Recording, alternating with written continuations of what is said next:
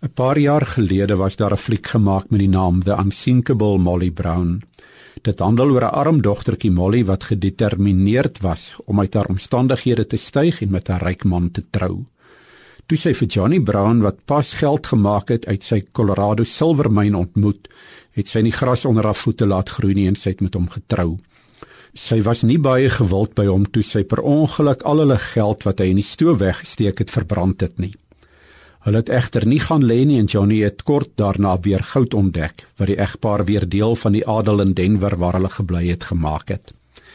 Geld kon egter nie geluk koop nie en hulle is uitmekaar. Sy vertrek Europa toe en nadat besluit sy om terug te gaan Amerika toe en word toe 'n passasier op die Titanic. En later word sy die Titanic se bekendste oorlewende. Die apostel Paulus is die Nuwe Testament se weergawe van die unsinkable Molly Brown.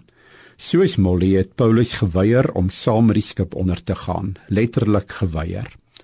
Hy was 3 maal passasier op bote wat in stormweer vergaan het en het 'n volle dag of soos hy dit stel 'n dag en 'n nag op die oop see gedryf. Hulle het nog 'n paar probleempies op sy lewenspad gebring. En as jy dink dit was nie so erg nie, laat hulle vir jou bietjie met klippe probeer doodgooi of stenig, soos 5 keer in Paulus se geval of laat hulle vir jou bietjie met die vuiste of met stokke of met woorde slaan, dan sal jy iets verstaan van oorlewing.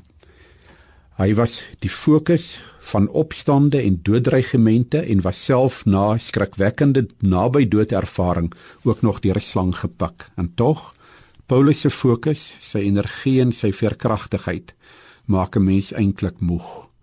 Dit lyk of die enigste ding wat hom regtig afgesit en moedeloos gemaak het, die probleme was wat hy met sy jong gemeentes gehad het. Wat maak dat Paulus elke keer soos 'n dobber na die oppervlakte gespring het?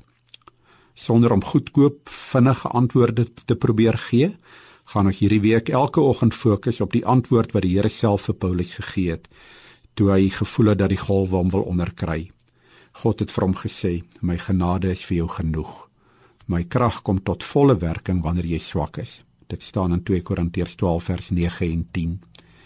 Vanoggend, hier aan die begin van die week, wil ek ook vir jou sê, God se genade is vir jou genoeg. Hou daaraan vas. Ook wanneer dit vir jou begin voel of die golwe te veel raak. Kan ek jou vanoggend seën met 'n ou Ierse seën? Mag jy altyd werk vir jou hande hê. Mag jou beursie altyd 'n muntstuk bevat. Mag jy 'n huis hê met 'n venster waar die son skyn. Mag daar altyd 'n reënboog na jou reënbui wees en mag die hand van jou vriend nooit te ver wees nie. Mag God jou oë oopmaak vir jou naaste se nood en mag jy blydskap altyd in jou hart hê. Amen.